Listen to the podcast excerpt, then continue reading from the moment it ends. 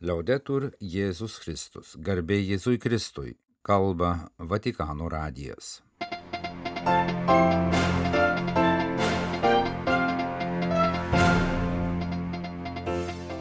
Malonus klausytojai šioje trečiadienio gruodžio 27 programoje trečiadienio bendroji audiencija. Popiežius pradėjo naują katekezių ciklą Pranciškus pakartojo prašymą melstis, kad baigtųsi visi karai. Šventojo sosto diplomatinės tarnybos vadovas apie Vatikano susirūpinimą tebesitęsiančiais karais. Popiežiškoji nepilnamečių apsaugos komisija finansuos apsaugos projektus vargstančiuose kraštuose. Vienos arkivyskopos samprotavimai apie viltį žengiant į naujosius metus istorija apie Romos startuolį, kuris benamius paverčia sodininkais.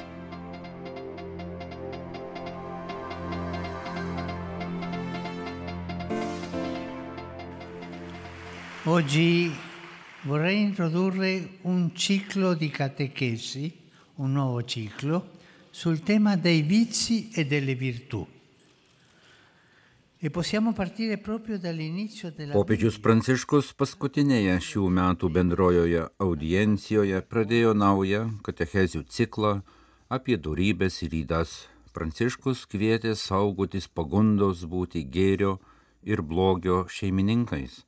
Tai pats didžiausias pavojus žmogaus širdžiai, pažymėjo Pranciškus aptardamas blogio ir pagundos sąveiką Senojo testamento pradžios knygos pasakojime apie Adomo ir Jėvos nupuolimą. Dio pone i progenitori nostri come signori e custodi del creato, ma vuole preservarli dalla presunzione.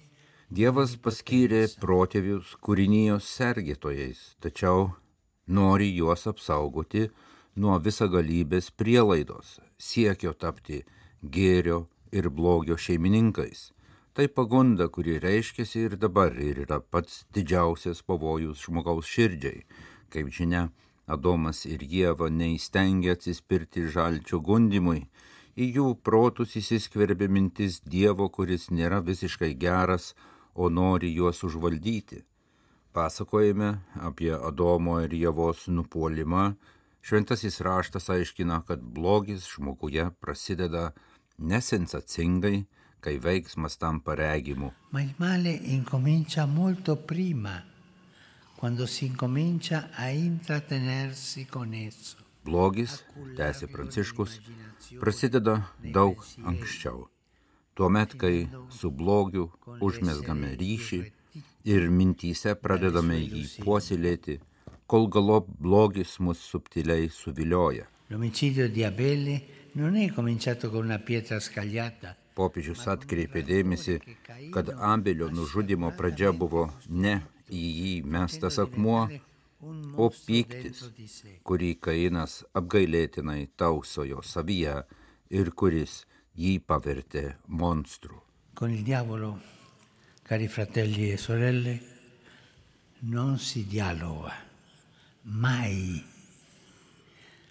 non si deve discutere mai. Popiežius įspėjo, kad su velniu niekuomet negalima tartis, nevalia su juo diskutuoti, pridūrė Pranciškus, primindamas, kad dykumoje velnio gundomas Jėzus niekuomet nedialogavo su juo, jis jį pavarė šalin. Dykumoje per gundimus Jėzus neatsakė dialoguodamas, o labai paprastai atsakė šventojo rašto žodžiais su Dievo žodžiu. Būkite atidus Velnes yra gundytojas, niekuomet negalima dialoguoti su juo, nes jis suktesnis už mus visus ir pareikalaus kainos. Gundimo akivaizdoje turime užverti duris, langus ir širdis, saugokimės gundimu, nes velnės gudrus, išmintingas. Mes turime saugoti savo širdis, pažymėjo popiežius, Jis priminė, kad daugelis bažnyčios tėvų ir šventųjų ragino saugoti širdis. Turime prašyti malonės, kad mokėtume sumaniai saugoti širdis. Viešpats te padeda Mums šiuose pastangose di imparare a custodire il cuore, ma chi custodisce il proprio cuore custodisce un tesoro. Nes kas saugoja širdį, tas brangina turtą. Fratelli e sorelle, impariamo a custodire il cuore. Grazie. Broliai, seserys, mokykimės sergėti savo širdis, paragino Pranciškus. Popiežius bendrojoje audiencijoje dar kartą paminėjo Ukrainos, Palestinos ir Izraelio dėl karo patiriamus sunkumus ir kvietė su pasitikėjimu melstį taikos kunigaikštį, kad suteiktų viltį, meilę ir tikrąją taiką. Popiežius kalbėjo trečiadienio gruodžio 27 dienos bendrojoje audiencijoje, sveikindamas kalbines maldininkų grupės. Kreipdamasis į maldininkus iš Lenkijos, Pranciškus ragino metų pabaigoje dėkoti Dievui už visas gautas gerybės, taip pat už tas, kurias savo rankomis pagamino tiek daug žmonių, nukentėjusiems nuo karo Ukrainoje ir kitur pasaulyje paremti. Prieš palaiminimą sveikindamas maldininkus iš Italijos, Romos vyskupas Pranciškus pasmerkė karo blogį ir dar kartą paprašė melstis už kenčiančius nuo karų. E per favore non dimentichiamo di pregare per quanti soffrono le conseguenze terribili della violenza neužmirškime melstis už kenčiančius dėl baisių smurto ir karų pasiekmių. Ypač e už kenčiančią Ukrainą, Palestinos ir Izraelio gyventojus. Karas yra blogis. Melskime, kad baigtųsi visi karai, sakė popiežius paskutinės šių metų bendrosios audiencijos pabaigoje.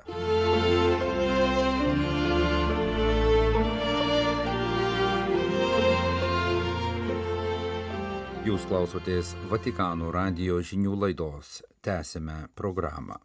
Romos vyskupijos savaitraštis Roma Sete Kalėdų proga publikavo išskirtinį interviu su Šventojo sosto diplomatinės tarnybos vadovu arkivyskupu Polu Richardu Ganlegeriu Pokalbėje paminėtos Vatikanui didžiausia rūpesti keliančios tarptautinės politikos temos - konfliktas artimuosiuose rytuose ir karas Ukrainoje. Artimieji rytai.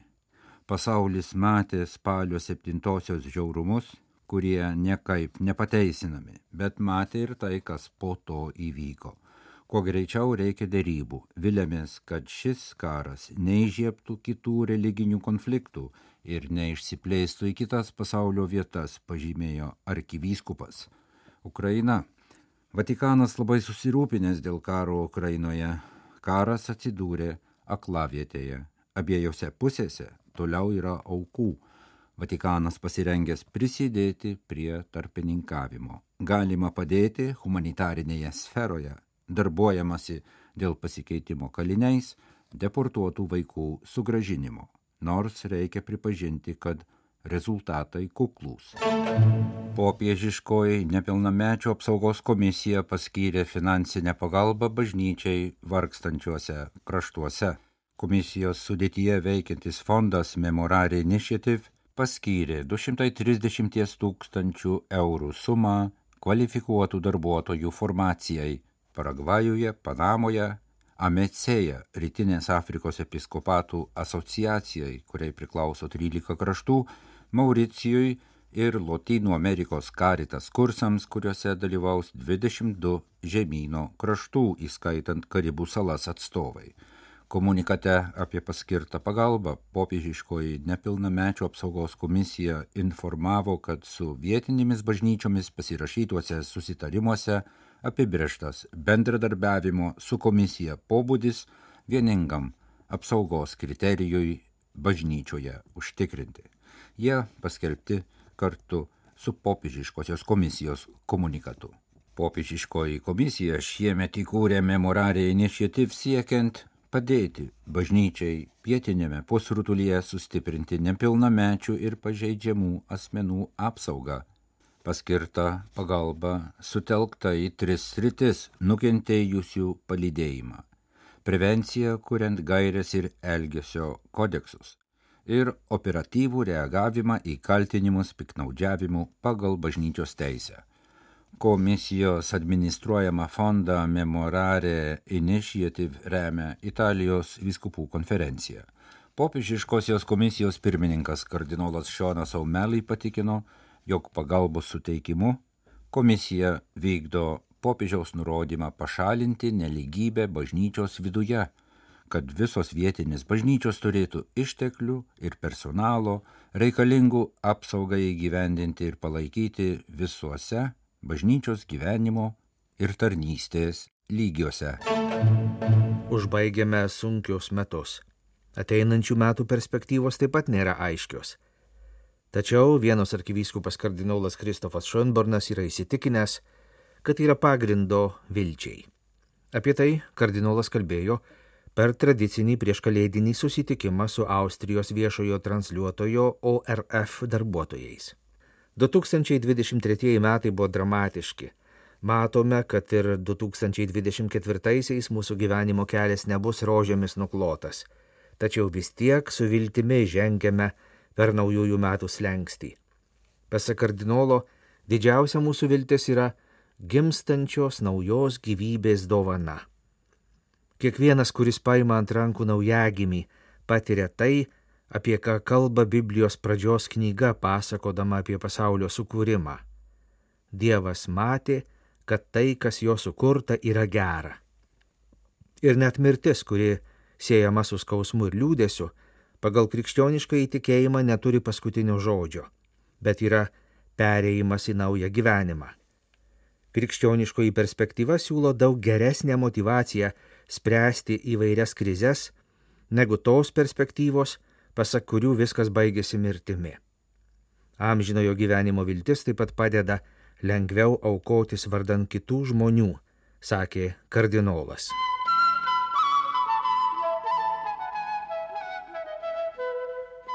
Informacinių technologijų inžinierius Lorenzo Dekiačio paliko darbą didelėje įmonėje ir įkūrė startuolį, kuris padeda sunkumų patiriantiems žmonėms pasirūpinti savimi, tvarkant apleistus Romos parkus, sodus, želdynus. Nagi, tai, sako romiečiai, norėdami ką nors padrasinti, suteikti jėgų, kviesdami nepasiduoti, paragindami komandą prieš įvartį ar išreikšdami džiaugsmą už draugo sėkmę. Ridai yra tam tikras pastiprinimas, dvigubas nagi. Toks ir Lorenzo Dikiačio startuolio pavadinimas, kuris siūlo antrą gyvenimą, galimybę daugeliui benamių, gyvenančių amžinojo miesto gatvėse. 38 metų kompiuterių inžinierius maždaug prieš 10 metų nusprendė palikti savo nuolatinį gerai apmokamą darbą ir imti socialinės problemos, kurią bažnyčia ir bažnytinės labdaros organizacijos visada stengiasi spręsti. Jau ir prieš tai jis įgyvendino socialinių paslaugų idėjas. Per televiziją išgirdau istoriją apie Gabrielių, kur čia vaikina, kuris po avarijos negalėjo paskambinti ir iškviesti greitosios pagalbos. Tai mane labai sukrėtė ir pradėjau galvoti apie sprendimą Taip kilo programinės įrangos idėja Pedius, kuri leistų žmonėms su klausos negale skambinti ir ne tik kritiniais atvejais. Nepažinojau ne vieno turinčio šią problemą. Gabrielius tapo mano pirmuoju kurčiu draugu, pasakoja Lorenzo. Pedijus pasiekė 14 pasaulio šalių, pritraukė kapitalą, tarp jo klientų yra didelių įmonių, tokių kaip Italijos bankas, Telekom, elektros energijos bendrovė Enel. Tačiau Lorenzo to nepakanka ir jis grįžta spręsti benamių problemos. 12 metų tarp tūkstančio veiklų ir įsipareigojimų jis rado laiko savanoriauti karitas. Jo užduotis būdavo atidaryti ir uždaryti vieno iš daugelio centrų duris, kur šaltaisiais metų mėnesiais benamiai rasdavo prieglaudą. Metams bėgant jis pamatė, kad iš šių karitas vadovaujamų prieglaudų duris beldžiasi vis tie patys veidai, tie patys žmonės, tik labiau sunykę, pasenę, išsigandę, sergantis. Tariau savo, bet tada lova ir karštas maistas nepadeda žmogui išsikraustyti iš gatvės. Ką aš galiu padaryti dėl šios tragedijos, kuri paveikė visus didžiuosius pasaulio miestus, pasakoja Lorenzo. Jis pristatinėjo pedijus istoriją universitetuose, Viename iš susitikimų su studentais sutiko mokslininką Luką Mondželį, kuris tyrė marginalizuotų asmenų, ypač kalinių, įgalinimą bandydamas nustatyti socialinės integracijos būdus ir įdarbinimą atlikus bausmę. Lorenzo ir Luka pradėjo bendradarbiauti, sukūrė verslo modelį, pradedami nuo kito Romą kamuojančio maro, apleistų žaliųjų zonų parkų. Jie nusprendė, kad jei įmonės ir piliečiai nori nustoti skūstis degradaciją ir sutinka mokėti, kad miestas būtų švaresnis, galima rasti būdą. Lorenzo sako, kad idėja veikia ir dar kartą išryškina tiesą, sklindančią per visą popiežiaus encikliką Laudato Si. Rūpinkitės aplinką ir aplinka pasirūpins jumis. Lorenzo ir Luka sudarė sutartis su įmonėmis, privačiais asmenimis ir parduotuvėmis. Per dažnai esame linkę aiškiai atskirti pelną ir nepelno siekimą, tarsi pelnas būtų blogis. Iš tikrųjų norime parodyti suridai, kad socialinė veikla gali tapti verslu ir kad kapitalistinėje rinkoje gali būti suteikta erdvė žmogui, tiesiog gražinant jį į centrą, kaip sako popiežius Pranciškus. Tyrimas taip pat rodo, kad iš 70 tūkstančių benamių Italijoje 80 procentų gyvena didžiuosiuose miestuose, o daugiau nei 20 procentų gyvena Romos gatvėse, kuri turi daugiausiai žaliųjų erdvių Europoje ir kuriomis rūpinasi tik 200 sodininkų. Kaip veikia Ridai? Sudarytos sutartys su Romos savivaldybės socialinėmis tarnybomis, su Karitas, su Šventojo Egidiaus bendruomenė ir mažesnėmis organizacijomis, kurios padeda atrinkti darbuotojus. Tarp pažeidžiamiausių žmonių yra ir tokių, kurie galbūt kenčia nuo priklausomybės alkoholiui ar narkotikams. Jiems prieš pradedant dirbti būtina atlikti reabilitacijos procesą. Daugelis jų dažnai yra pajėgus dirbti, tačiau jiems trūksta stabilumo ir nuseklumo. Tiesą sakant, vienas iš priešų yra per didelis entuzijazmas. Kiekvienas, kuris pradeda važiuoti ketvirtąją pavarą labai greitai, tam tikrų momentų griūva, sako Lorenzo. Svarbus atrankos etapas Ridai per šešius mėnesius surengiama apie šimtą pokalbių, siekiant atrinkti nedaugiau kaip dešimt žmonių, kurie lanko 40 valandų sodininkystės kursus, kurių teorinė ir praktinė dalis apima ir technikos naudojimą. Iš šių dešimties žmonių tik du prieimami dirbti įmonėse pagal sutartį ne visą darbo dieną, tačiau tai garantuoja orų pragyvenimą. Ridai jau atgaivino per 50 tūkstančių kvadratinių metrų želdinių, o dabar su sutelktinio finansavimo kampanija pati organizuoja didesnius užsakymus. Taip pat siekia įsigyti namą vienamiams, kuris jiems suteiks saugią erdvę, kurios reikia kiekvienam, kad gerai jaustųsi. Mūsų misija yra pakeisti pasaulį į gerąją pusę tvarkant sodą po sodo. Užuot galvojus apie pelno didinimą, laikytis etikos, kuri taip pat siekia žmonių laimės ir gerovės. Tai mes pasakojame mokyklose ir universitetuose, kai kalbame apie socialinį verslumą ir jo rezultatus, apibendrina Lorenzo.